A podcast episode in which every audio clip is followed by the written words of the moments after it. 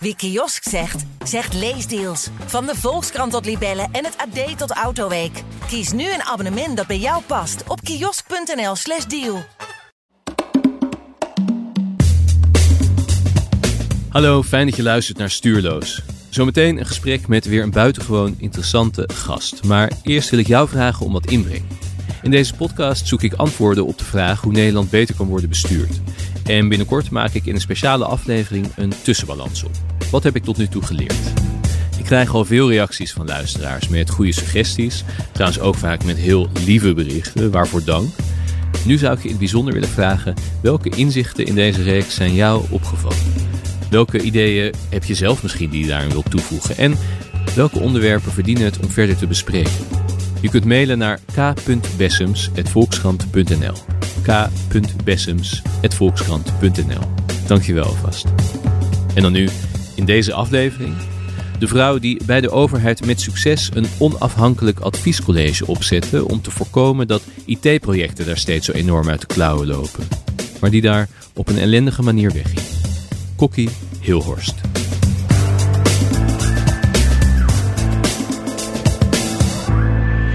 ga kijken of Kokkie Hilhorst kan uitleggen waarom IT-projecten bij de overheid zo vaak lijken te ontsporen. En zo gebruiksonvriendelijk zijn voor ons, de burgers. En hoe dat is te voorkomen. Een tijd lang werkte ze zelf bij de overheid om daar een bijdrage aan te leveren. Maar het bleek nog niet zo eenvoudig om echt onafhankelijk advies te kunnen geven.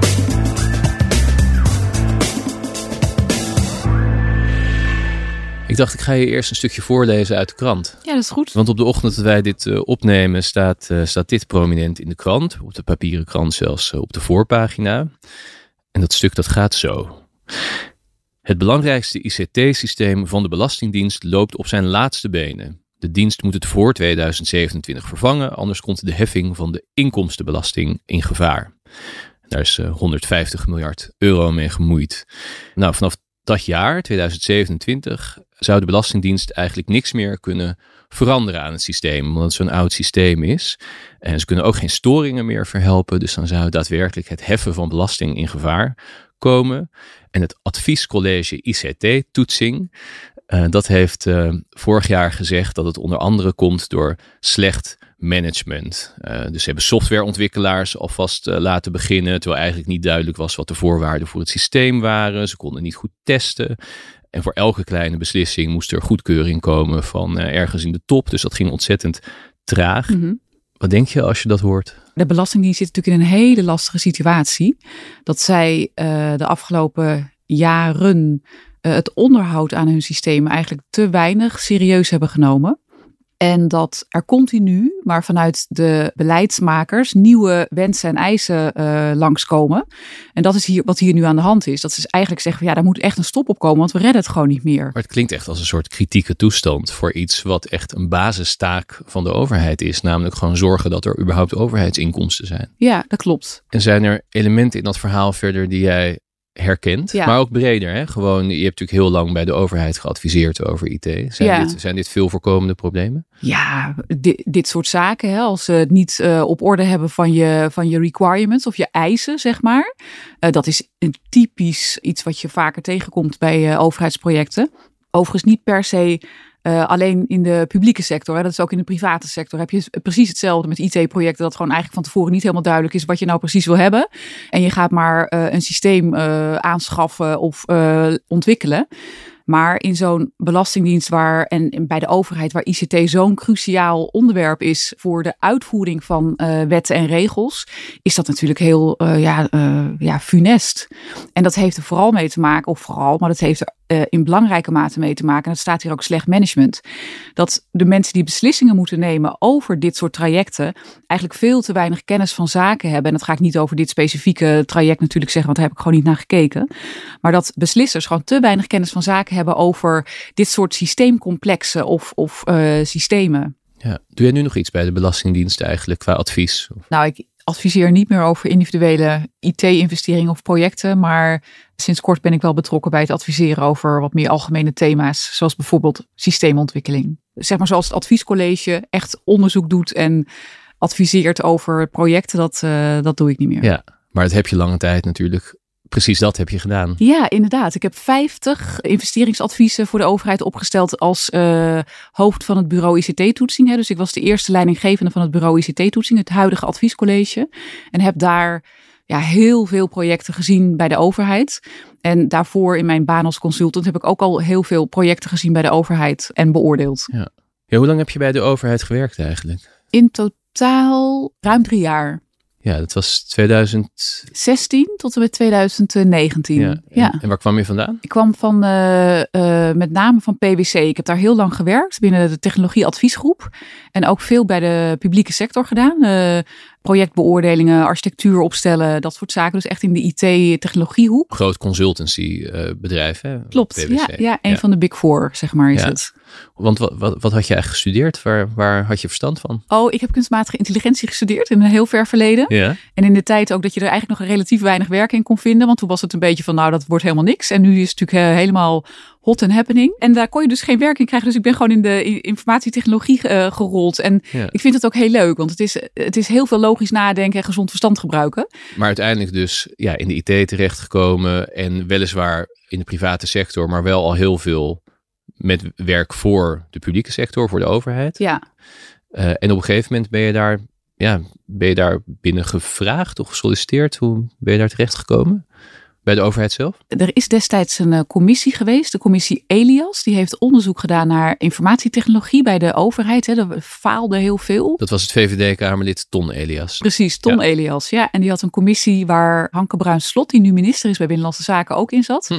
En zij hebben eigenlijk een beetje blootgelegd van wat zijn, er nou, wat zijn nou die problemen met ICT waar de overheid mee kampt. En hoe kunnen we die oplossen? En een van de aanbevelingen van de commissie Elias was een bureau ICT-toetsing in te richten. BIT, hè, natuurlijk naar aanleiding van bits en bytes. Ja.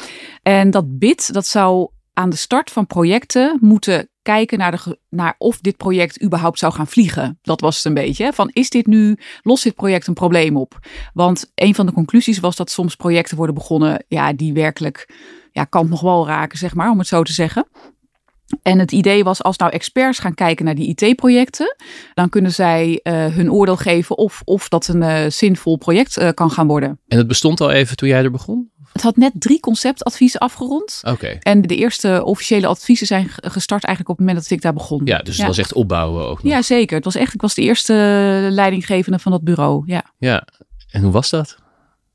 Um, ja, leuk. Want het is natuurlijk mijn vakgebied. Hè? Dus uh, ik, ik, nou, ik dacht bij me, de reden waarom ik daar start, wilde starten was omdat ik, uh, even persoonlijk, was dat ik dacht, ik weet, dit is mijn vak, dus ik weet, uh, ik, ik kan hier echt wat betekenen. Bij de overheid heb ik meerdere projecten zien falen, waarbij echt gewoon duidelijk was, als je daar op basis van drie interviews naar keek, dat je dacht, hoe hebben ze dit kunnen starten? En ik dacht, nou, als ik daar een bijdrage aan kan leveren om dat te verbeteren, hè, om echt die overheid, dat falen gewoon te verminderen, uh, dan heb je ook nog een heel maatschappelijk mooi belang natuurlijk om daar uh, aan mee te werken. Dus ja. dat was eigenlijk mijn idee daarbij. Had je je aangemeld of was je geheadhunt? Ja, of, nee, ik heb, me, ik heb me gemeld bij de headhunter. Oh, ja. En die was helemaal blij, want ja, een vrouw, IT, et cetera. Dus dan, ja. Ja, en toen ben ik het geworden. Ja. Ik vind dat ook wel interessant. Dus je had in je vorige hoedanigheden al projecten gezien waarvan je dacht, nou, drie interviews en je weet dat het niet goed in elkaar zit. Ja. Dat is eigenlijk best vreemd natuurlijk, dat dat dan wel bestond. Had je toen al een soort idee hoe dat mogelijk was?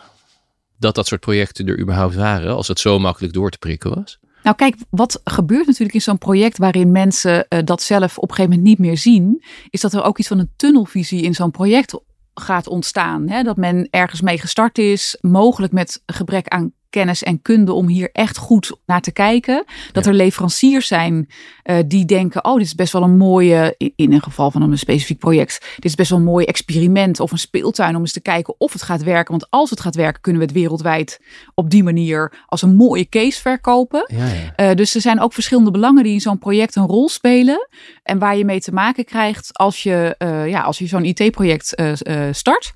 Het leuke was, als je dan als externe blik daarop kijkt, heb je veel sneller, zie je dat soort, met, met ervaring, zie je veel sneller van, oké, okay, hier, ja, dit kan uh, bijvoorbeeld niet gaan werken. Ja. Hè, als er software wordt gekocht, uh, wat zich nog nooit heeft bewezen voor massale gegevensverwerking, maar alleen als salarisadministratiepakket heeft gewerkt bij uh, organisaties waar nou misschien 400 of misschien hoogstens 10.000 mensen werken en je moet er miljoenen transacties mee gaan verwerken, uh, misschien uh, maandelijks, ja. ja. dan weet je dat je daar wel echt naar goed moet kijken. En dan, dan is de vraag, is dit goed getest daarop? Nou nee, maar we denken dat het gaat werken. Ja, dat, dat, dat soort zaken. Ja, en dat kwam voor. Ja, ja. dat kwam voor. En dan, uh, nou, dan moet je dus zo'n bureau of bureautje opzetten, want het werd niet enorm, hè, denk ik. Het was eigenlijk een bureautje, want Don Elias die wilde het onder algemene zaken hangen. Want hij zei van ja, dat moet echt een uh, gezaghebbend bureau worden. Mhm. En het is uiteindelijk onder Binnenlandse Zaken, onder de CIO Rijk daar terechtgekomen. Ja, CIO is Chief Information Officer. Dat Klopt. is de, de belangrijkste ambtenaar op het gebied van IT. Of... Ja, de belangrijkste beleidsambtenaar op het gebied van ja. IT. Want Ja. ik denk dat eh, de directeur IT van de Belastingdienst enzovoorts, dat uh, dat, dat een, eh, Ja, natuurlijk oké. een hele relevante functie is. Maar op beleidsmatig gebied is dat de belangrijkste functie. En het BID werd onder de CIO Rijk gehangen. Waardoor eigenlijk heel veel mensen zeiden, oh dat kan helemaal niks worden. Want binnen BZK, BZK staat bekend als een zwak ICT-departement. Of überhaupt op ICT-gebied heel zwak. Dus dat zal wel een soort stempelmachine worden. Hè, dat ze naar projectjes kijken en zeggen, "Mwah, een beetje naar links, een beetje naar rechts. Ja. En gaat u rustig verder. En je kreeg wat medewerkers of leden, of hoe zat dat? Of adviseurs? Hoe... Nou, ik had denk ik mazzel dat de CIO Rijk kwam ook van buiten. Dus was een, eh, eigenlijk iemand met veel kennis en ervaring op IT-gebied. Ik heb eh, mensen kunnen aannemen. Ik heb gewoon eh, ja, bekenden geweld van mij. Waarvan ik dacht, nou die moet ik hebben. Ja. En daar kan ik het mee doen. En er is een aantal van, van hen is gekomen. En toen hadden we een, een bureau van een man of twaalf uiteindelijk. Of ja, het was echt klein. Maar wat ik deed is dat ik per project wat we moesten toetsen, had ik één eh, medewerker van het bureau. En daar haakte ik dan expertise aan uit de markt. Dus als we bijvoorbeeld datacenterstrategie gingen, eh, of ik noem maar wat, hè, datacenterstrategie gingen beoordelen, dan had ik echt een datacenter specialist zet ik erbij. Iemand van ons met algemene IT en diepgaande IT-kennis. En eh, misschien nog een medewerker. En dat was dan het team wat daar ging kijken. Dus ook de, de juiste expertise op de juiste plaats, zeg Ja. maar. Had je toen je daar begon met dat bureautje, met een aantal goede mensen die je erbij had getrokken en, en nou, een soort ideaal van wat je daar kon verbeteren, had je ook al een notie van het zou ook wel eens gevoelig kunnen liggen wat ik hier ga doen? Nou kijk, ik denk in het verleden had ik wel eens rapportages geschreven over projecten of eh, van projecten die echt niet goed gingen vanuit mijn PwC-tijd. En die verdwenen wel eens in de la. En daar werd dus niet zoveel mee gedaan. En dan dacht ik altijd, of dan zei ik tegen collega's, nou, over, over drie jaar zien we het wel op nu.nl dat dit project gestopt is. En dat gebeurde dan ook. En wij hadden een heel krachtig instrument, namelijk onze adviezen. En van het adviescollege ICT-toetsing nu, hè, eh, die gingen naar de Tweede Kamer rechtstreeks. Dus dat betekent dat we eigenlijk een rechtstreekse verbinding hadden met wat wij eh, zagen met de Tweede Kamer. Ja. En dat ligt heel gevoelig. Want wat je ziet is dus dat de Tweede Kamer was dol op het bid. Want ja, alle ICT-problematiek werd in de Kamer direct zichtbaar. Ja, hè, wat Dit is eigenlijk precies wat de Kamer heel vaak mist natuurlijk. Dat ze, hè, vaak zijn er heel veel zware ambtelijke adviezen voor bewindspersonen. En dan is het een heel gevecht om die als Kamer bijvoorbeeld eh, boven tafel te krijgen. Ja, En hier was eigenlijk een, een adviesclub eh, waar ze een rechtstreekse lijn mee hadden. precies. Ja. En alle ICT-ellende die bij de ambtenaren in de departementen, zeg maar, min of meer ja, verstopt bleef, Ja. die werd op tafel Ja, gelegd. Maar realiseerde je toen je daaraan begon ook dat dat een gevoelig proces was? Of dacht je gewoon, ik zie eindelijk mijn kans gewoon om adviezen te maken waar wat mee gebeurt? Nee, ik realiseerde me wel dat het gevoelig lag. Heel veel mensen raden het me af, omdat ze zeiden de governance is niet goed. Hè? Dat zeg maar de ophanging van het bureau is Ja. niet goed, is niet onafhankelijk genoeg. Want je bent eigenlijk onderdeel van BZK. En dat is ook een departement wat je zelf moet beoordelen. Ja. Het is een beetje alsof je de autoriteit financiële markten onder PwC gaat hangen. Met het Ja. toezicht op de accountancy sector. Ja, Maar ik dacht, ach, ik hou wel van een beetje een, eh, een ri- risico. Dat, dat, ik, ik ga ervoor. Ja. Ja. vertrouw je een beetje op hoe je dat zelf zou aanpakken als, je, als het toch zou gaan wringen qua onafhankelijkheid? Of wat, wat Ja. maakte dat je dacht, ik ga ervoor? Nou ja, kijk, ik denk altijd van als je gewoon inhoudelijk goed werk doet, komt kwaliteit, ja, kwaliteit komt vanzelf bovendrijven. Ja. Dus als het goed gaat, als je gewoon goed werk levert, dan zal, zal daar de waardering vanzelf al voor eh, gaan ontstaan. En ik was eigenlijk, daar ben ik echt wel naïef in geweest. Ik dacht altijd, wat is er nou fijner als bestuurder om de informatie op tafel te krijgen over het project wat je onder je hebt en waarvan je dan eindelijk zicht hebt over hoe loopt dit nu? Ja. En het, het feit dat dat dus openbaar ging naar de Kamer, die stap, die heb ik, eh, daar ben ik eh, misschien wat naïef in geweest, wat voor effect dat, eh, dat heeft. Maar ben je iemand die overtuigd is van de eigen kwaliteiten? Ehm, ik ben wel echt een, een vakmens. Dus ik weet wel echt waar ik goed in ben. Ik ben Ja. ook gepromoveerd op het onderwerp risico's en flexibiliteit van IT-projecten. Dus, en als je dan in de praktijk projecten hebt beoordeeld, ja, op een gegeven moment denk je gewoon van dit is mijn vak. Eh, Ja. Dit kan ik. Ja. Ja. Dus dat gaf je wel het vertrouwen van ik weet wat ik daar straks zit te doen. En als dat dan maar inhoudelijk goed... Ik zie ook wel de risico's van de constructie. Maar als dat dan inhoudelijk goed is, dan zal dat zich bewijzen via de inhoud. Ja, en ik Ja. keek naar mijn leidinggevende en ik dacht, kan ik daarmee door een deur om eh, dit op een goede manier te doen? En dat, eh, dat idee had ik. Ja.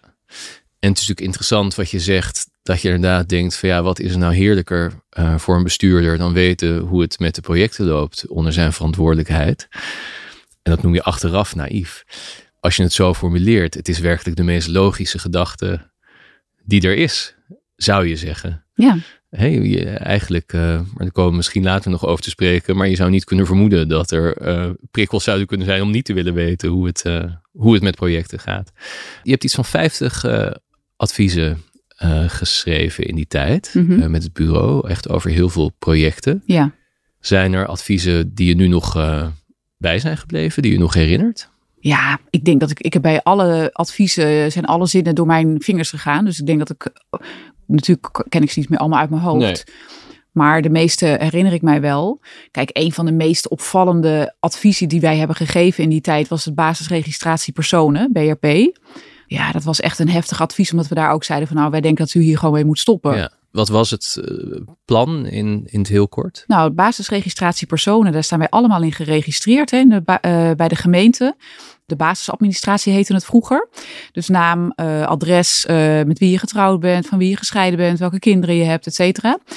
En dat wilde men met een groot systeem, dat is bij de gemeente decentraal wordt dat geregistreerd. En men wilde graag een landelijk centraal systeem waarbij je real-time zeg maar informatie kunt opvragen. En dat is een project, dat heeft 16 jaar eh, liep dat. Dus dat is eh, vrij lang. Nog uit, ik denk echt nog uit het idee uit de jaren tachtig dat je alles in één grote database kon opslaan. En dan ehm, hè, dat, het, dat dat de oplossing was voor al, voor al uw problemen. En nou, wij hebben het Was getoetst. er, was er nog te traceren voor welk probleem dat een oplossing moest zijn dan Nou, dat 16 was- jaar eerder? Ja, dat was dus een van de punten die wij eh, uiteindelijk in ons advies als heel zwaarwegend hebben meegenomen. Kijk, wat wij deden bij het bureau ICT-toetsing, misschien even tussendoor. Ja? Twee dingen. Onze adviezen waren eh, heel kort. eh, dus ze waren eigenlijk meer of meer brieven. Ja. eh, van een pagina of zeven. In heel helder Nederlands uitgelegd. Dus geen vakjargon, zodat de Tweede Kamer. We, schreven, we zeiden dat we schrijven voor onze moeder. Eh, dat is misschien niet heel erg inclusief, misschien voor onze vader. Ehm, die moet het kunnen begrijpen. Ja. Dus dat was heel sterk. En het tweede was wat heel sterk was, denk ik, dat wij door het grote netwerk wat we allemaal hadden, konden we hele goede adviseurs, eh, wisten we hele goede adviseurs ook te selecteren, of mensen te selecteren die meededen. Maar we hadden ook een combinatie van technieken om onze eh, analyse te doen. Dus we deden Ja. bijvoorbeeld ook, we keken naar softwarekwaliteit. We konden software systemen analyseren op van hoe, hoe zitten functionaliteiten, in hoeverre verhouden die zich tot elkaar. We keken naar softwareadministraties. Dus hoe, hoe Dat doe je voor een deel, doe je dat ook weer met software? Of, ja, dat doe je ook weer met eh, software en dan eigenlijk eh, analyses op hoe, hoeveel fouten worden er nog gemaakt op dit moment in de Ja. software en wat betekent dit over hoe ver men is in het proces bijvoorbeeld. Hè? Dat soort analyses kun je dan maken. En dat hebben we toen ook gedaan bij dat specifieke eh, systeem. Wat we bijvoorbeeld bij de basisregistratie personen eh, hebben gezegd is van in de loop van die 16 jaar waren was er al een landelijk systeem gekomen om die decentrale administraties aan elkaar te koppelen.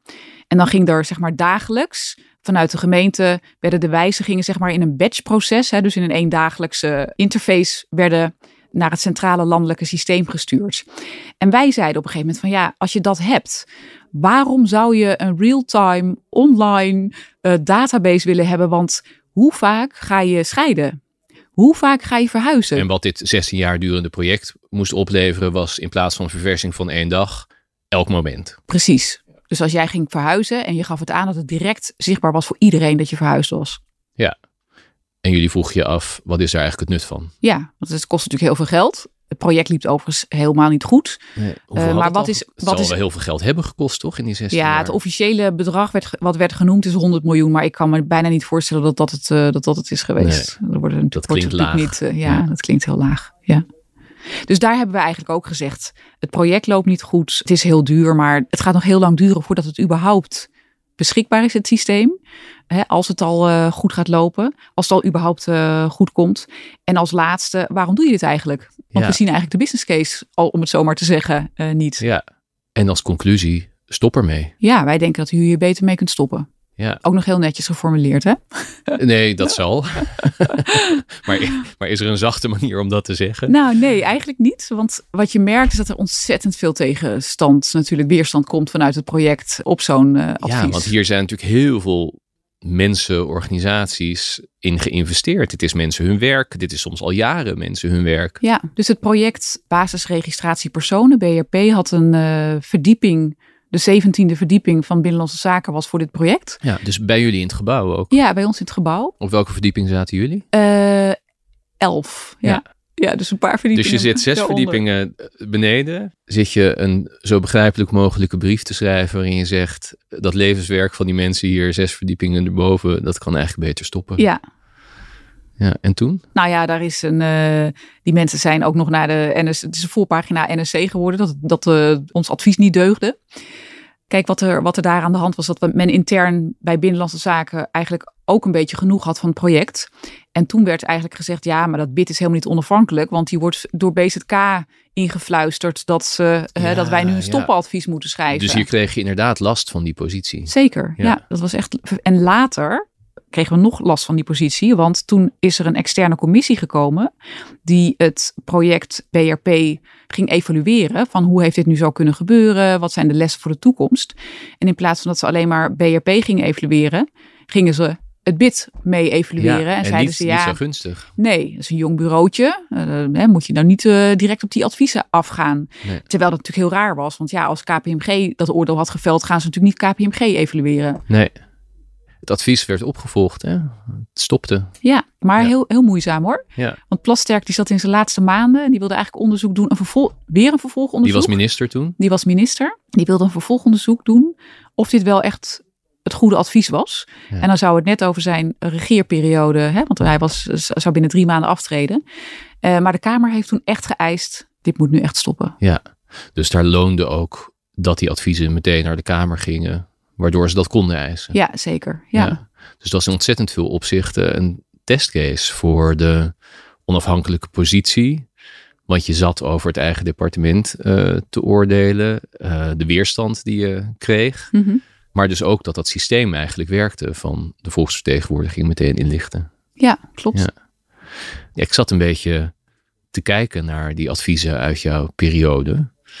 Maar het is ook wel, als je het doorneemt, hè, van het ene project is er onvoldoende rechtvaardiging voor de forse investering. Uh, dan is er weer iets onnodig groot en met onnodige risico's. Uh, het volgende project moet rekening houden met vertraging van jaren. Dan is er weer een project in gevaar. Het is een redelijke. Ik bedoel, er zijn ook uh, adviezen die de andere kant opleunen, her en der. Mhm. Maar dit is wel over het algemeen, was dit de teneur. Ja, Toch? ja. Kijk, ik denk een van de dingen die in de BID-adviezen en nu bij het adviescollege, maar ik, met name denk ik eerder wel uh, aan de orde waren, was dat wij keken naar de risico's. Dus we hadden natuurlijk ook een alinea kunnen opnemen van, goh, u bent lekker bezig, u heeft, u heeft goed uh, dit en dat en dat gedaan. Oh, maar dat deden jullie ook vaak netjes hoor. Dus dat moet ik er misschien bij zeggen. Dus er was vaak een inleidingtje van... Uh, nou, we snappen dat jullie uh, hiermee bezig zijn. Of uh, zoiets. Le lekker aan het werk, jongens. Dat was vaak de inleiding.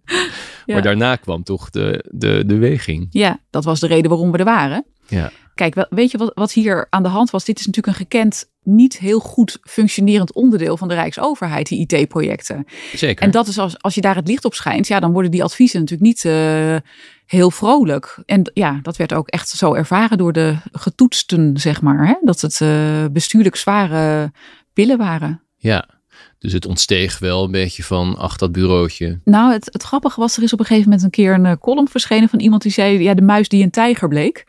Ja, het, was, het werd echt een sterk bureau. En we waren binnen drie jaar eigenlijk gezaghebbend. Maar ik denk ook wel echt een beetje, we hadden echt nul vrienden in Den Haag, laat ik het zo zeggen. Ja. Is dat ook iets wat je dan in sociaal opzicht ervaart? Als je in die wereld werkt? Nee. Dat niet. Nee, dat blijft wel ervaren. functioneel. Ja. ja. nou ja, je krijgt natuurlijk wel mensen die echt boos worden aan tafel. En ik heb wel eens een keer echt een dreigement gekregen van iemand. Hè, dat er een ongeluk zou gebeuren als ik een advies zou publiceren. Echt waar? Uh, ja, ja. En, maar de, zeg maar, ongeluk in mafioze zin? Nou ja, weet je, ik heb gezegd, wat bedoel je daar precies mee? Het zijn grote woorden. En toen viel het stil, omdat het natuurlijk, ja. Maar dat, dat soort dingen gebeuren. Ja. Ja, Want het is, is voor mensen heel en dat was bedreigend. iemand die binnen de overheid aan een IT-project werkte, die dat zei. Iemand uit de raad van bestuur. Bij de overheid, ja. Wat denk je dat hij bedoelde? Geen idee. Ik denk een bestuurlijk ongeluk. Ik heb geen. Ik heb echt, Ik, dat Nee, denk ik. we, we mogen hopen dat Ik mag- ik kan gissen dat, ernaar. Ik dat heb je niet onder je auto hoeft te kijken, maar, Nou, maar meer zo van, eh, ja, moet je, beetje, moet je vrezen voor je positie of zo, of dan hoor je er nog wel van in die sfeer. ja. Ja. Kijk, er is wel wetenschappelijk onderzoek dat als je enorm negatief op mensen advies eh, eh, of een, een, een, een, blik van buiten, als dat heel vaak heel negatief is, dat mensen steeds zich meer, zich harder gaan weren tegen dat Ja. advies. En ik geloof ook dat het adviescollege wat er nu zit, hè, met, ehm, dat ze daar wel hebben gedacht, we gaan een iets meer zachtere benadering aan, waarin we iets meer proberen organisaties te helpen. Daar zijn we al mee begonnen gedurende. Kijk, wij moesten ons natuurlijk eerst nog neerzetten, Ja. hè, de eerste twee jaar. Maar ik denk dat wij al in het tweede jaar zijn, zijn wij al begonnen met wat we noemden lerend toetsen. Dus dat we eigenlijk tegen de partij zeiden, waar we het advies gaven van nou, als jullie dit nu oppakken, dan schrijven wij in ons advies dat jullie dat heel goed op die manier oppakken en dat Ja. dat tot eh, verbetering van het project moet gaan leiden. Dus op die manier hebben we wel eh, projecten op een zachtere manier getoetst. Maar dat, was, dat bleef nog steeds heel lastig. Want die bestuurlijke openbaarheid, dat is gewoon het grote punt. Ja. Doordat het advies in de Kamer terechtkomt, ja, komt de minister of moet de staatssecretaris verantwoording afleggen over wat er dan niet goed gaat. En dat is wat eh, departementen gewoon niet willen. Nee. En begrijp je waarom ze dat niet willen? Nou ja, de politieke cultuur in Den Haag is natuurlijk ook wel verhard. Hè? Dus dat maakt het voor eh, bewindspersonen steeds lastiger om te opereren in een omgeving waarin ja, het bijna niet meer gaat over de nuance Mhm. en over de feiten, maar over het scoren. Mhm. Dus dat, maakt het, dus dat betekent dat die departementen ook steeds meer zich richten op beeldvorming dan op wat er nou feitelijk aan de hand is. En dat, Ja. ma- en, en dat is wel, ja, wat je wel heel erg sterk ziet binnen Den Haag. Ja, dus je schrijft zo'n advies inhoudelijk gedreven om te voorkomen dat er een project spaak gaat lopen eh, en hopelijk hè, dat er iets komt wat wel werkt. Je informeert de Kamer daarover, zodat die daar ook goed op kunnen toezien. Mhm. Maar dat wordt voor sommige Kamerleden materiaal om er gewoon op in te hakken. Hè? Dat bedoel je een beetje, denk ik, met die, met die verharde eh, cultuur. ja. En daartegen willen die departementen zich weer te weerstellen. En dus wordt het irritant eh, dat jullie die adviezen naar de Kamer sturen. Dat Ja. is een beetje de, de cirkel. ja. Had je toch in de loop van de jaren wel het idee van, dit gaat goed? Dit kan zo nog wel heel lang doorgaan? het punt was, we hadden natuurlijk heel veel bescherming vanuit de Kamer. Want de Kamer was echt dol op ons. Ja. Ja, we hadden, we hadden daar prima eh, nog jaren mee door kunnen gaan. En eh, ze, zijn, eh, ze gaan natuurlijk nu ook door hè, met, dit, Zeker. met deze adviezen. Ja. Ja. alleen jij niet. Nee, ik niet. Nee, nee. Ik ben. ehm, ik heb op een zeker moment mijn, mijn functie neergelegd. Ja, en waarom was dat? Nou, misschien goed om te zeggen dat het BID had een. eh, omdat het onderdeel was van het ministerie van Binnenlandse Zaken, had het een toezichtsraad Mhm. met externe leden. Dat waren, was een hoogleraar, of twee hoogleraren en een eh, CIO uit het bedrijfsleven. Die waren eigenlijk degene die eh, bij het instellingsbesluit, er lag een instellingsbesluit BID. En volgens dat instellingsbesluit moest de toezichtsraad eh, na het eerste, het derde en het vijfde jaar een evaluatie doen van nou, de effectiviteit, de onafhankelijkheid en de kwaliteit van Ja. het BID. Ja, want dat is ook misschien wel goed om te zeggen. En eigenlijk achteraf vind ik dat ook een soort schattig idee. Want, eh, nou ja, ik denk dat we wel kunnen zeggen, het bestaat tot op de dag van vandaag en doet nuttig werk. Dus het is een heel goed idee geweest van die commissie van Ton Mhm. Elias.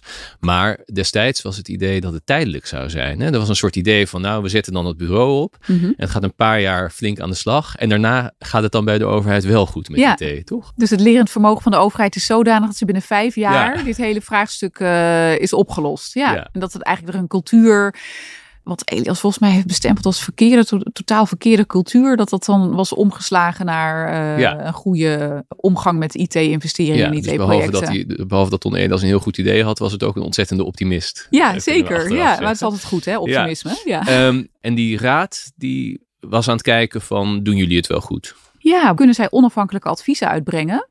Uh, en doet dat bureau het wel goed? Ja. ja. En je noemde die raad toen je wilde vertellen hoe het kwam dat je je functie had neergelegd uiteindelijk. Want die speelt daar een rol in. Ja, die speelt daar een rol in. Want wat er gebeurde is dat uh, na het derde jaar werd uh, door de Raad van Toezicht, een, of de Toezichtsraad, zo heette het, werd er een ehm, externe evaluatie gedaan. Zij waren daar ook bij instellingsbesluit opdrachtgever voor. Hè. Dus ze hebben een extern bureau uh, ingehuurd, consultants, mm -hmm. die het uh, bid gingen uh, toetsen op of evalueren op onafhankelijkheid, kwaliteit en effectiviteit. En zij kwamen met een hele lovende beoordeling. Ja, ik heb het gelezen. Het is echt buitengewoon lovend. Dus het staat vol met hoe knap het is dat zo'n jonge organisatie zo snel zo gezaghebbend uh, is geworden. En de, dus over de kwaliteit van de adviezen. Zelfs ook wel met raadpleging van getoetste. Uh, hè, van mensen die getoetst waren. Die hadden ja. ze ook gehoord. Uh, heel positief. Ja.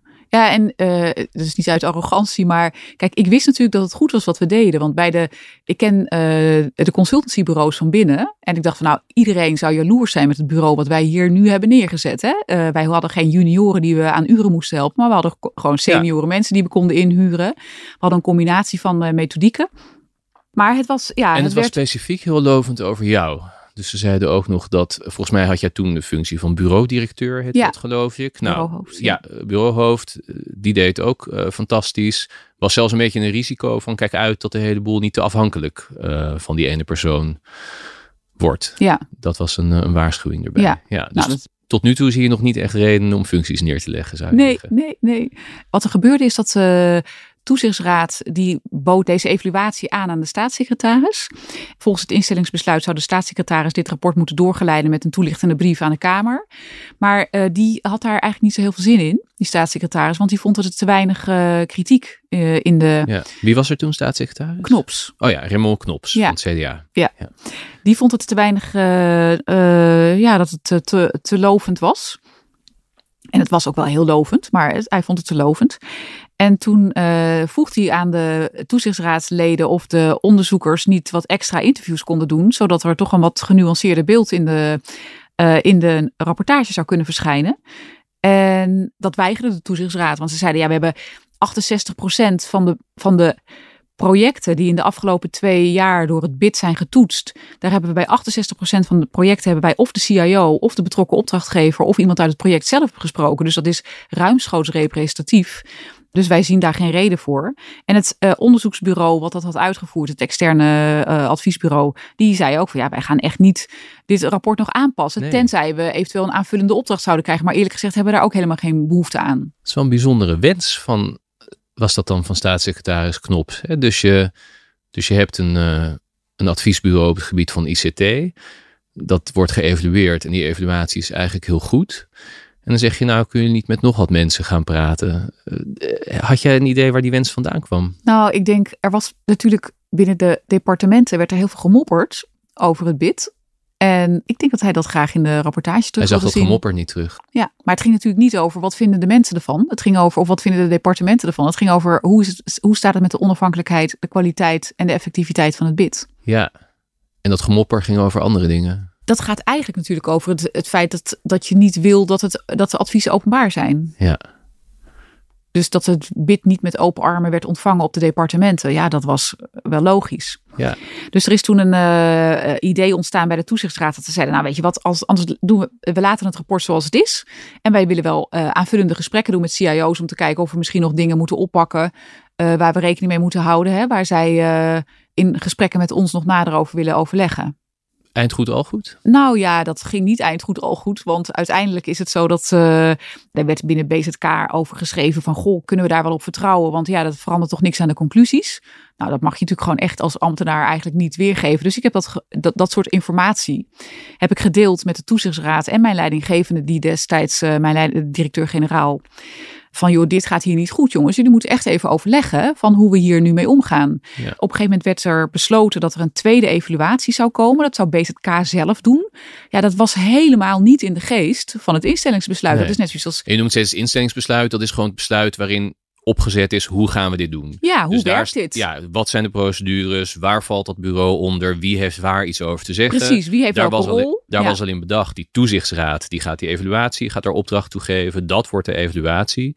En hier werden eigenlijk, toen dat te positief uitviel, nota bene, Voor BSK. ja, probeerden ze de spelregels te veranderen terwijl je bezig was. Ja, En dat merkte jij. en dat deden ze niet openlijk, maar dat deden ze achter mijn rug en achter de rug van de toezichtsraad. ja, maar dat je kan- kreeg daar lucht van. Ik zag dat je hebt een openbaar systeem waar bij de, binnen zo'n departement waar alle stukken in staan. Ja, En er lag een adviesnota voor de minister en de staatssecretaris waarin stond dat de kwaliteit van de, van de, van de evaluatie van de toezichtsraad onvoldoende was.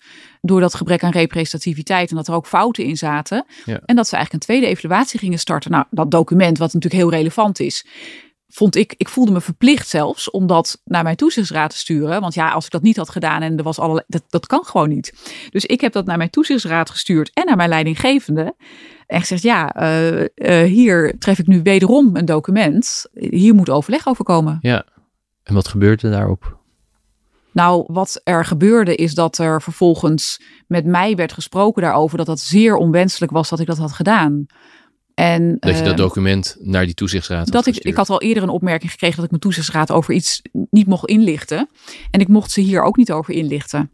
En dat werd gezegd van ja, je bent niet te handhaven. En op een gegeven moment werd dat, eh, is dat uitgemond in een, eh, ja, het feit dat ik niet integer had gehandeld. Dat dat breed gedeeld werd binnen de top van BZK.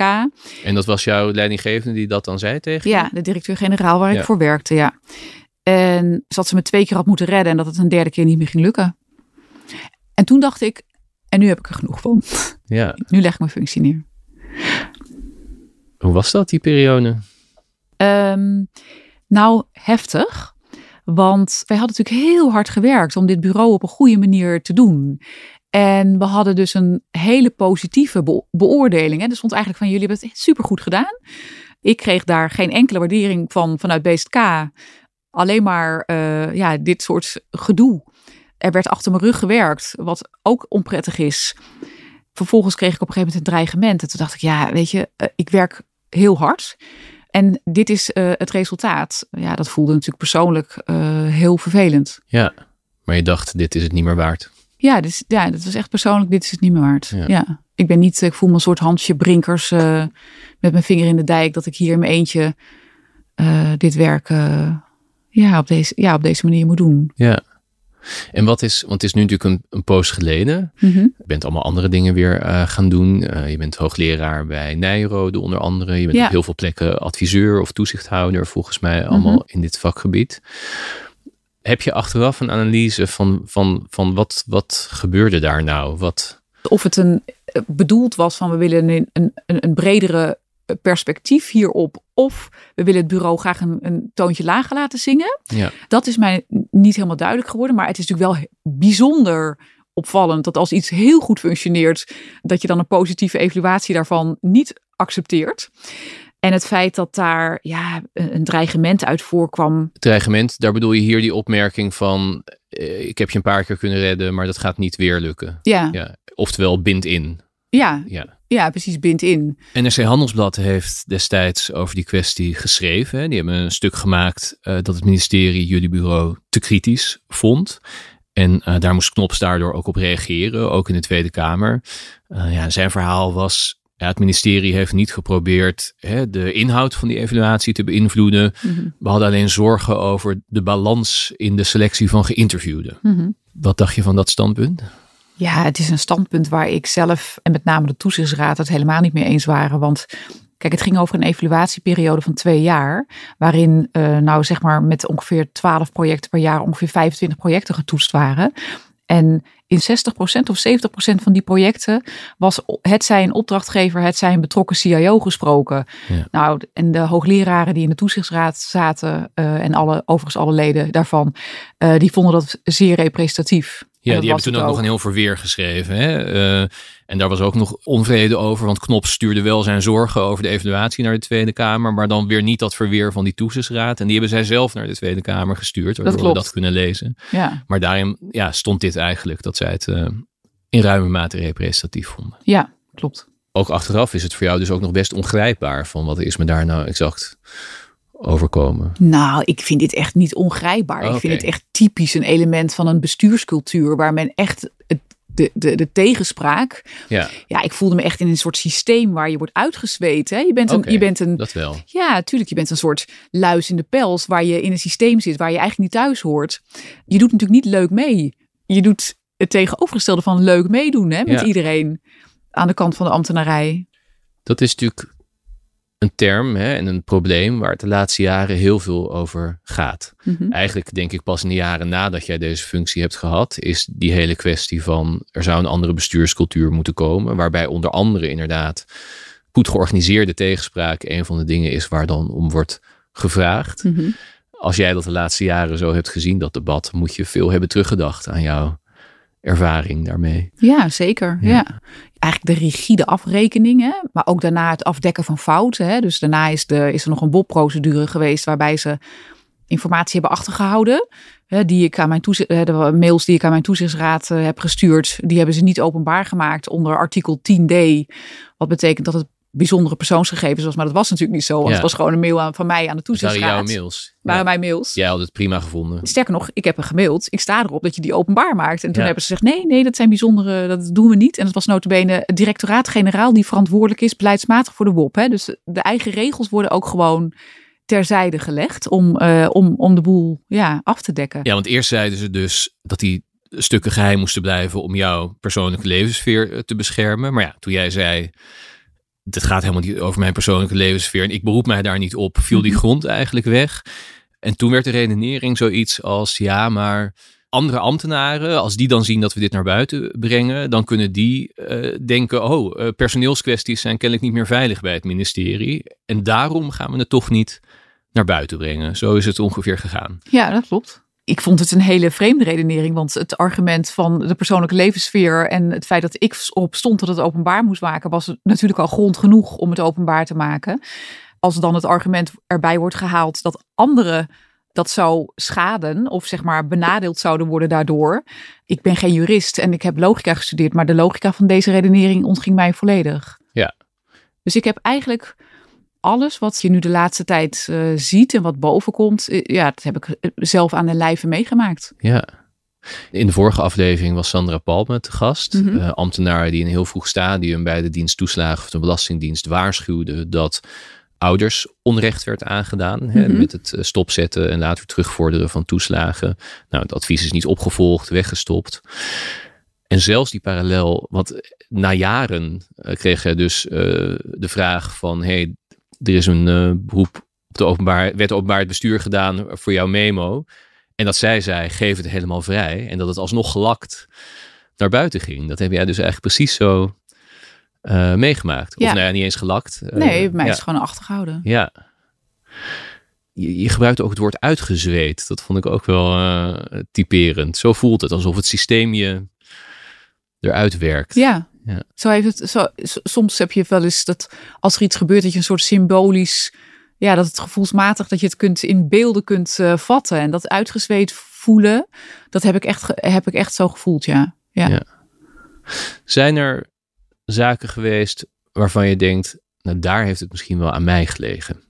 En die beginfase, hè, je zei van ik wilde ook het echt even neerzetten. Dus je kleunde Mhm. er misschien ook wel een beetje hard in eh, met die adviezen. Denk je daar achteraf van, had misschien diplomatieker gemoeten? Of... Nou, ik, kijk, ik vind dat heel lastig om te zeggen. Maar als ik de adviezen.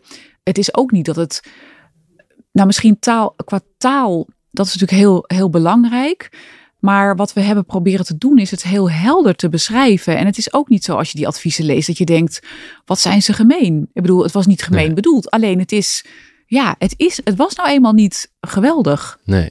Als we even teruggaan naar die inhoud hè, van die, van die IT-projecten bij de overheid. Kun je ook weer in lekentaal schetsen wat daar de patronen in zijn van wat gaat nou het vaakst mis? Je hebt al genoemd, eigenlijk van tevoren niet goed weten wat je wil hè, of wat het, wat het moet oplossen.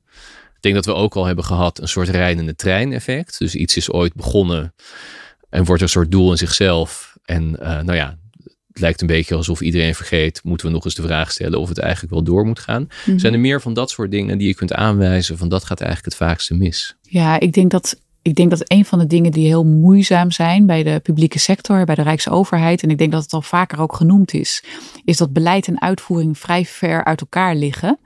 Uh, dus je hebt bij de uh, departementen heb je zeg maar beleidsafdelingen Ja. die bedenken wat er moet gebeuren. En ja, het hoe, dat moet eigenlijk bij de uitvoeringsorganisatie maar worden uitgezocht. Dat is denk ik een van de belangrijke dingen. En wat je ook heel erg sterk ziet, dat als een beleidsdepartement een IT-project start, daar hebben ze eigenlijk helemaal geen kaas van gegeten. En nu zeg ik het een beetje streng, of streng, maar een beetje overdreven. Maar ja, kijk, een beleidsfunctionaris die schrijft memo's. En Ja. als hij denkt van nou, dat project moet misschien toch een beetje een andere richting op, dan past hij een woordje aan in de memo, bij wijze van spreken. Maar daarmee is een project niet een andere kant op gegaan. Nee.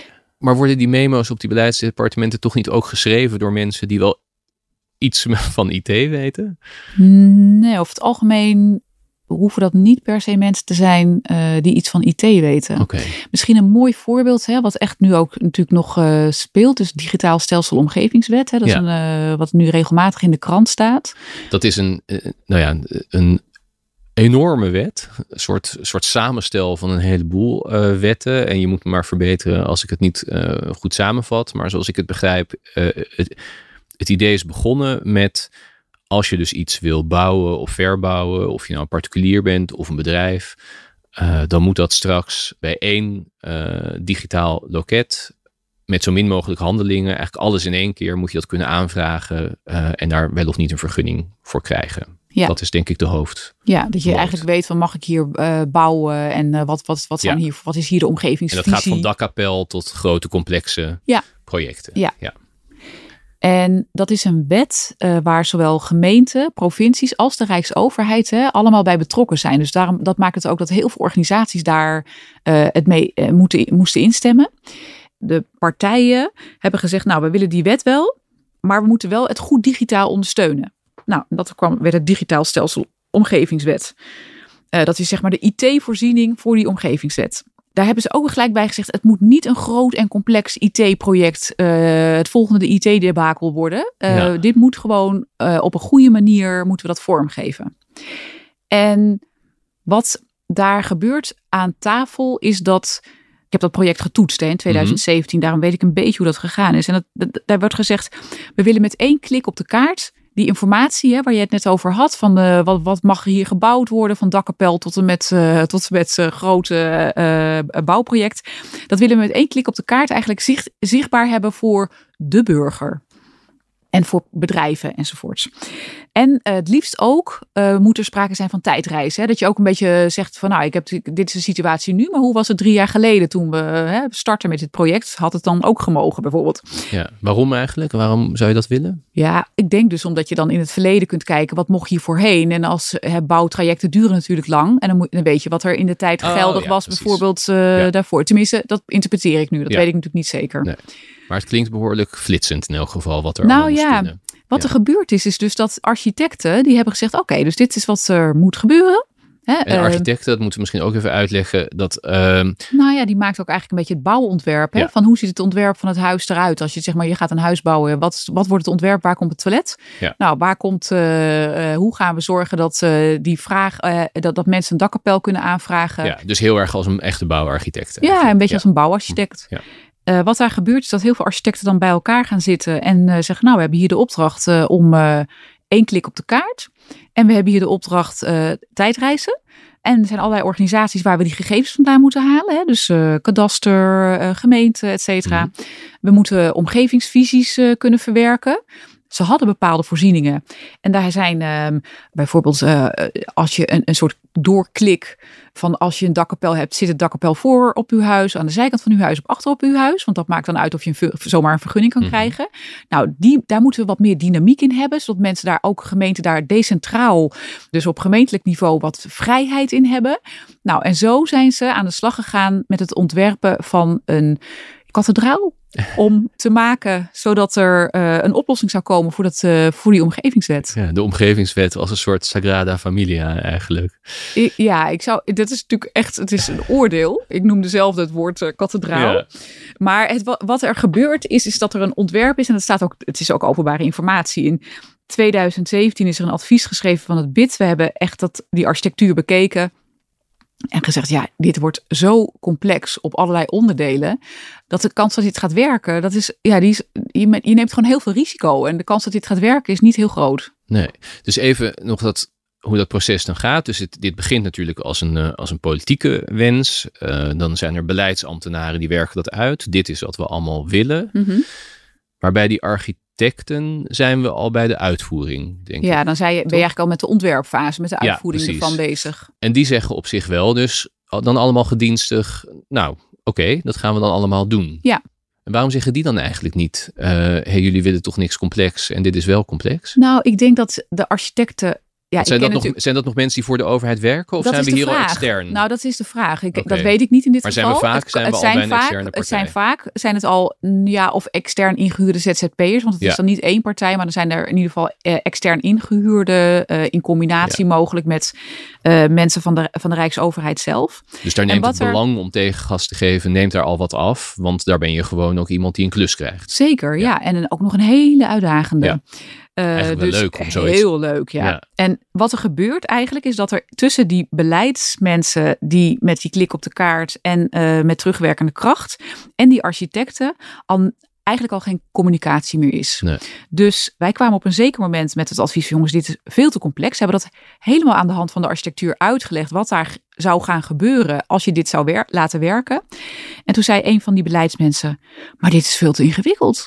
toen zeiden wij, ja, maar je hebt zelf gezegd, klik op de kaart. En Ja. je hebt zelf gezegd, tijdreizen. Oh, maar hij, zei diegene, maar dat tijdreizen, al als dat zo moeilijk is, dan hoeft het helemaal niet.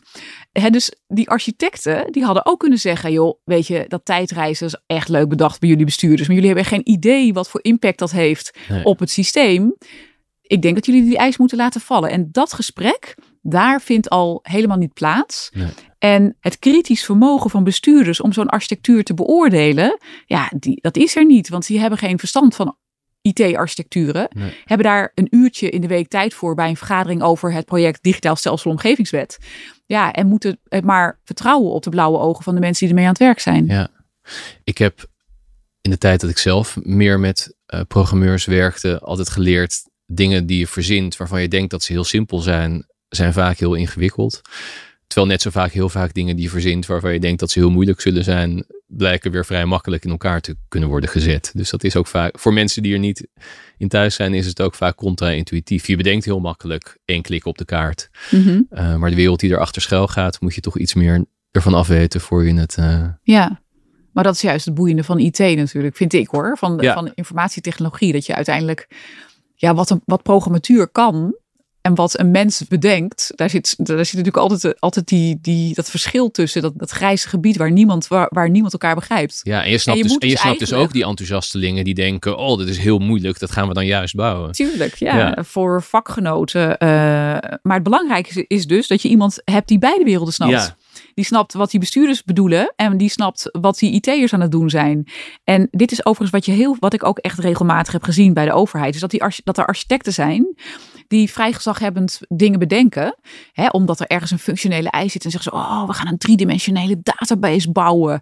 En er is niemand die die mensen challenged. Nee. En dus krijg je ook heel veel eh, ja, gekke ideeën en hobbyisme wat zijn, eh, wat zijn weg vindt. Ja. En er is niemand die eigenlijk zegt, jongens, wat zijn we hier aan het doen? Kunnen we even normaal doen? Nee.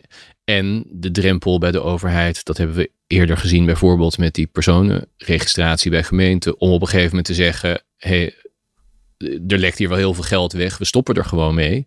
Die is vrij hoog. En de zakken van de overheid zijn vrij diep. Ja. Dus je kan ook heel lang door nog met die gekke projecten. Zeker. Ja, dat, eh, het feit dat er altijd geld is, is echt eh, eigenlijk niet heel erg gunstig. Nee, want een bedrijf zou op een gegeven moment zeggen, ja jongens, weeg dit nog wel op. Ja, En bij de overheid, ja, het is een irritante budgetoverschrijding die gemeld wordt. ja.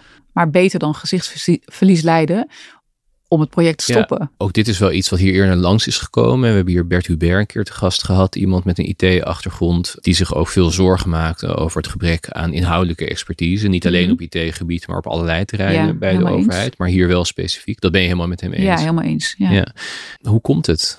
Ja, ik, kijk, wat ik, wat ik zie bij IT hè, is dat er over het algemeen een hele lage waardering bestaat voor de IT'ers, het, het, de, de vakkennis van IT'ers. En nu komen we op terug een beetje op dat, uh, je had het uh, eerder over de Belastingdienst. Bij de Belastingdienst zijn er ook heel veel mensen vertrokken hè, met een eerdere vertrekregeling. Ze hebben 4000 IT'ers. Er staat ook dat er in de komende tijd 900 IT'ers uh, gaan vertrekken. En dat betekent dus dat je heel veel kennis over die systemen ook gaat verliezen. En daar moet je dus ook nieuwe mensen aantrekken. Daar worden ongetwijfeld heel veel externe mensen aangetrokken. Maar dat betekent ook dat je heel veel kennis over wat daar inhoudelijk gebeurt verliest. En als de waardering van het IT-vak bij de publieke sector, bij de overheid, gewoon niet zo hoog is. Ja, dan gaan mensen liever bij uh, Capgemini of bij Atos bijvoorbeeld werken. Wil je hier waardering in de zin van een schouderklopje en wat heb je lekker gewerkt? Of, ja, of, of gewoon ook in geld? In geld denk ik dat het mogelijk nog wel meevalt. Maar dan krijg je meestal wel een auto van de zaak. Hè? Als compensatie, wat mensen ook altijd heel erg waarderen. Ja. Maar ook in vak, vakinhoudelijk. Gewoon dat, je, dat mensen echt het leuk vinden om een bepaald vak uit te oefenen. Voor dit gesprek heb ik nog een keer op de site gekeken van de Algemene Bestuursdienst. Hè, die, uh, die werft mensen voor de overheid. En daar stond een uh, manager voor de NVWA, dat is de Nederlandse Voedsel- en Warenautoriteit. Die ook verantwoordelijk wordt voor informatisering en uh, de, hè, de, de ontwikkeling daarvan, het, het IT-beleid en dergelijke. En, dat, dat is en een, dat moet dus zo iemand worden die jij schetst. Iemand die weerwoord kan bieden aan architecten, IT. Iemand die kan zeggen tegen beleidsmakers en bestuurders: dit is wel of niet een goed idee. Ja, die een belangrijke rol heeft bij de voor de informatievoorziening. En daar hoort software en applicaties die je daarvoor inricht, hoort daarbij. Ja. Uh, voor de uh, NVWA. En dan zie je dat zo iemand in een relatief lage schaal, vind ik, hè, voor, voor een, dat is gewoon een zware functie. De, de NVWA die heeft eerder investeringen gedaan in IT en heeft een heel groot project gestart. Eigenlijk omdat ze jarenlang hun applicatielandschap hebben verwaarloosd. Dat zie je veel bij de overheid. Hè? Dus dat er eigenlijk te weinig aandacht is voor de applicatielandschap. Dan op een gegeven moment moet er ineens, ja, dan is alles zo verouderd en werkt alles zo weinig meer. Dat ze denken, nou, we gaan een groot project starten en dan lossen we in één keer alles op. Nou, dat is heel risicovol. Want, en dat is niet alleen voor de overheid, dat is voor alle organisaties wereldwijd is dat gewoon bewezen. Hè? Uh, grote projecten zijn risicovol. Daar is 65 miljoen door het putje gelopen. En dan moet iemand in een relatief lage schaal moet dat gaan aansturen. En ik denk, ja, als je, terwijl beleidsmatige functies, die worden veel hoger gewaardeerd. En Ja. ik denk van ja, als je echt goede mensen daar wil hebben, dan moet je gewoon daar meer voor bieden. En het mensen ook interessant maken dat het vakgebied Ja. dat ze uitoefenen gezien wordt en relevant is. Dus letterlijk een hogere waardering voor mensen met vakinhoudelijke kennis. Ook hoger in de boom moeten die eigenlijk zitten. Zeker, Gewoon hoger ja. hiërarchie, meer te zeggen hebben. Uit dit gesprek vloeit natuurlijk ook wel voort. Want of dat nou van zo iemand komt of van een adviescollege. Maar het is nodig om tegenspraak te omarmen en niet uit te zweten. Want Mhm. anders heb je natuurlijk niks aan die vakinhoudelijke kennis. Als je, Ja. tegen, eh, als je dat bij zo iemand ook weer afstraft.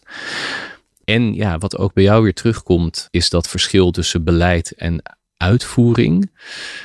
Ik heb begrepen dat het, dat het soms zelfs zo is dat beleidsdepartementen een project verzinnen waarvan ze eigenlijk nog niet echt weten welke uitvoeringsorganisatie dat moet gaan doen. En dat er dan geleurd wordt bij wie dat terecht kan komen. Ik weet niet of zeker of dat nu nog heel erg aan de orde maar is, dat maar, in is zeker, zeker in het verleden.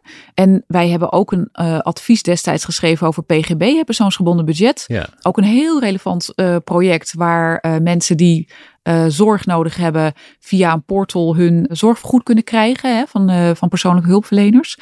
En daar was typisch ook zo'n casus. Dan hebben ze software ontwikkeld en ze weten eigenlijk nog niet wie dat gaat beheren.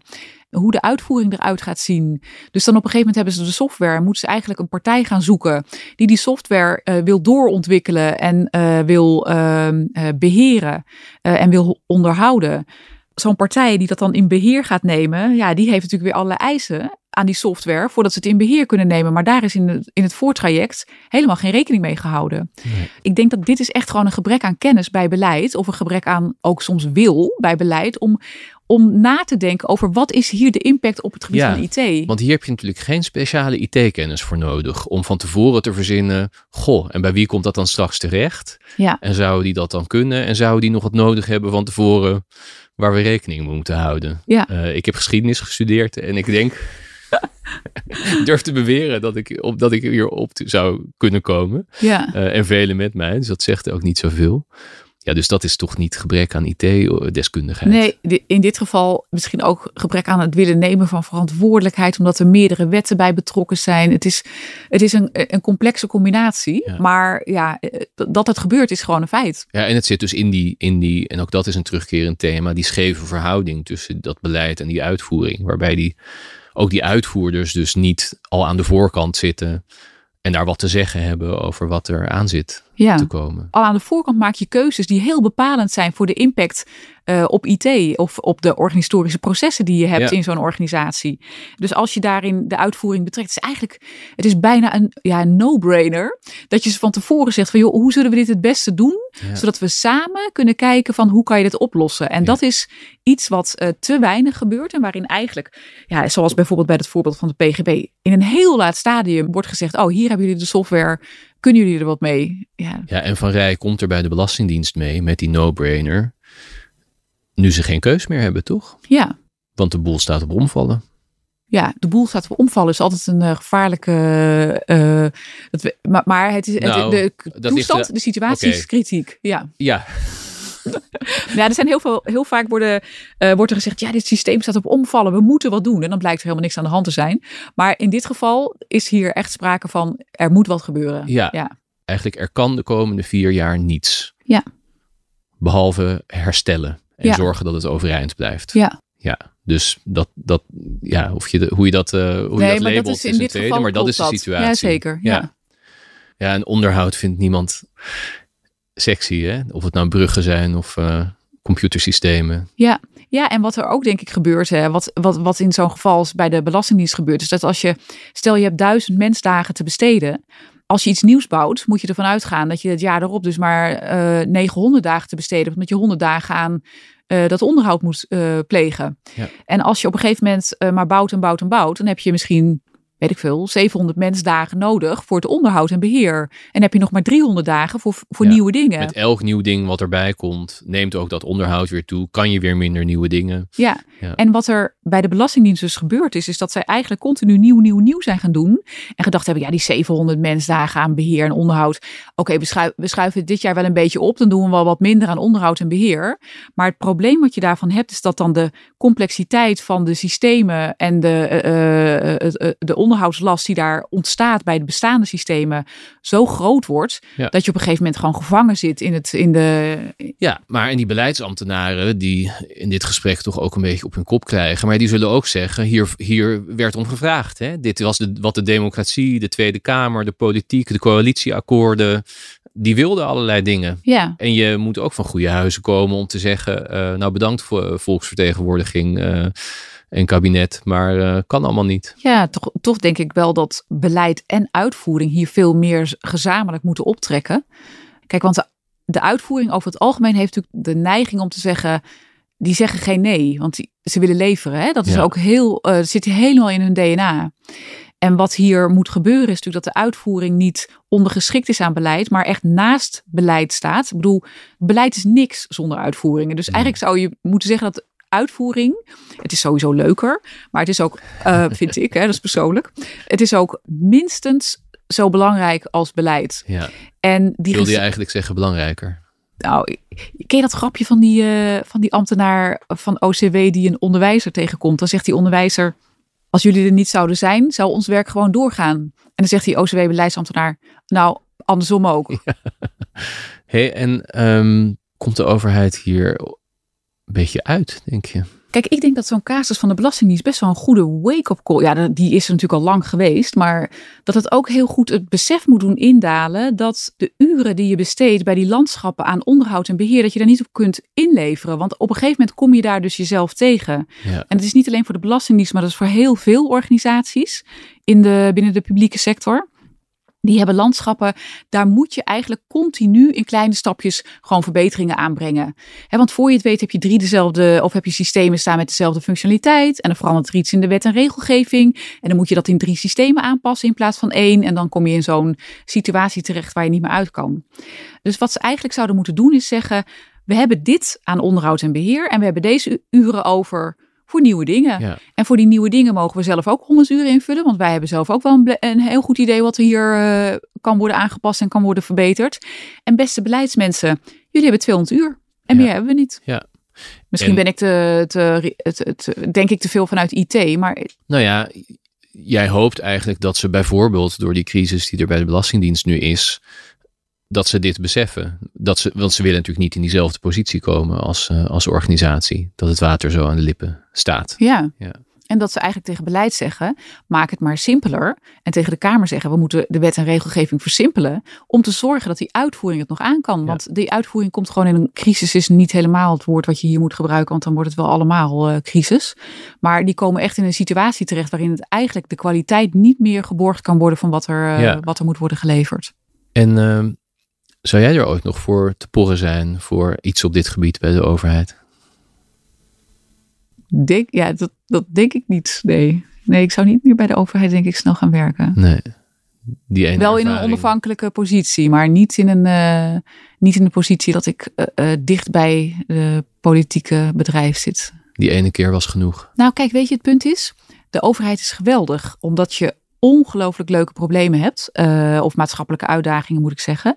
De Belastingdienst, zou ik zo willen werken als in de intellectuele uitdaging die je daar hebt om te komen vanuit een situatie naar, eh, naar eh, vernieuwing. Maar ja, ik heb natuurlijk best wel een ja, situatie meegemaakt waar ik niet graag in zou terugkeren. Nee. Is het overheersende gevoel, zeg maar, is de afdronk ook negatief over die periode? Of, is dat, of valt dat mee?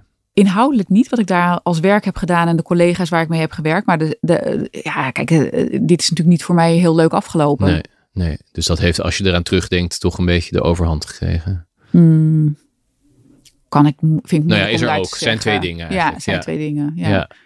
Ja. Maar weggaan met een brief waarin staat dat je plichtsverzuim hebt, een ambtelijke overtreding hebt begaan van de secretaris-generaal, dat is niet een, eh, niet een leuk einde. Nee, Nee. nee.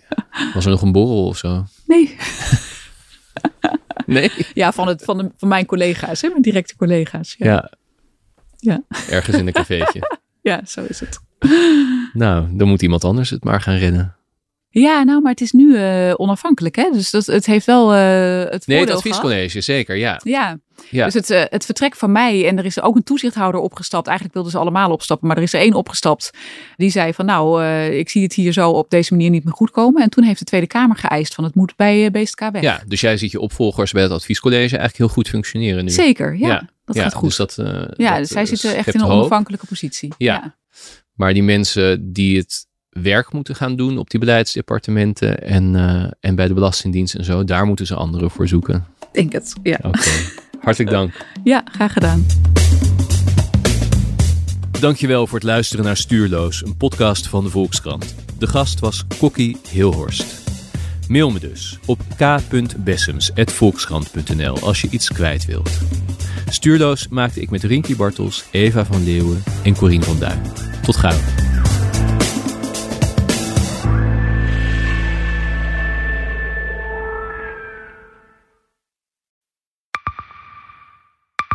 Zijn leven is overhoop gegooid. Plus dat heel veel mensen hem niet geloven. Vrienden niet, die, die denken, ja, hij is gewoon gek geworden. Hoe naar moet dat zijn? Als je vertelt over de meest indringende ervaringen uit jouw leven en niemand gelooft dat je het echt hebt meegemaakt. Ja, ik vind zelf niet dat ik het verzonnen heb, maar sommige mensen denken dat wel. Maar hoe kom je erachter of jij het doelwit bent van een geheime dienst? Ik heb ook wel eens meegemaakt dat je het idee hebt dat inlichtingendiensten in je geïnteresseerd zijn. En dan kun je wel heel veel zien, wat er misschien helemaal niet is. Als ik s'avonds nog iets ging eten, dan volgden die mensen mij naar het restaurant. En dan terug van het restaurant naar het hotel.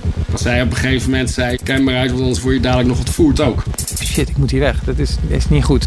Nu word ik gevolgd. Een soort Truman Show is het gewoon. Hè? Alsof dat hele straatbeeld voor jou is ingericht. Maar dan wel met bedoeling jou, jou niet door te laten. Dit kan geen toeval zijn. Een nieuwe podcast van de Volkskrant. Mijn naam is Simone Eleveld en samen met Huid Modderkolk ontrafel ik een bizarre operatie van de geheime dienst. Wat het doel ook is, jij verliest het. Ik werd opgepakt, heel lang ondervraagd. Maar hoe krijg je grip in een wereld die zo onderzichtig is? Als je zou liegen, dan zou je niet de meest relevante informatie twee jaar later tussen neus en lippen doorvertellen. Er zal nooit iemand zeggen, oké Bart, ik geloof je. Nooit. Nooit. Dit kan geen toeval zijn. Vanaf 3 oktober bij de Volkskrant. Ik weet niet of ik ook alles kan vertellen. Het is echt te bizar. Wat? Ehm, ja. Wie kiosk zegt, zegt leesdeals. Van de Volkskrant tot Libellen en het AD tot Autoweek. Kies nu een abonnement dat bij jou past op kiosk.nl/slash deal.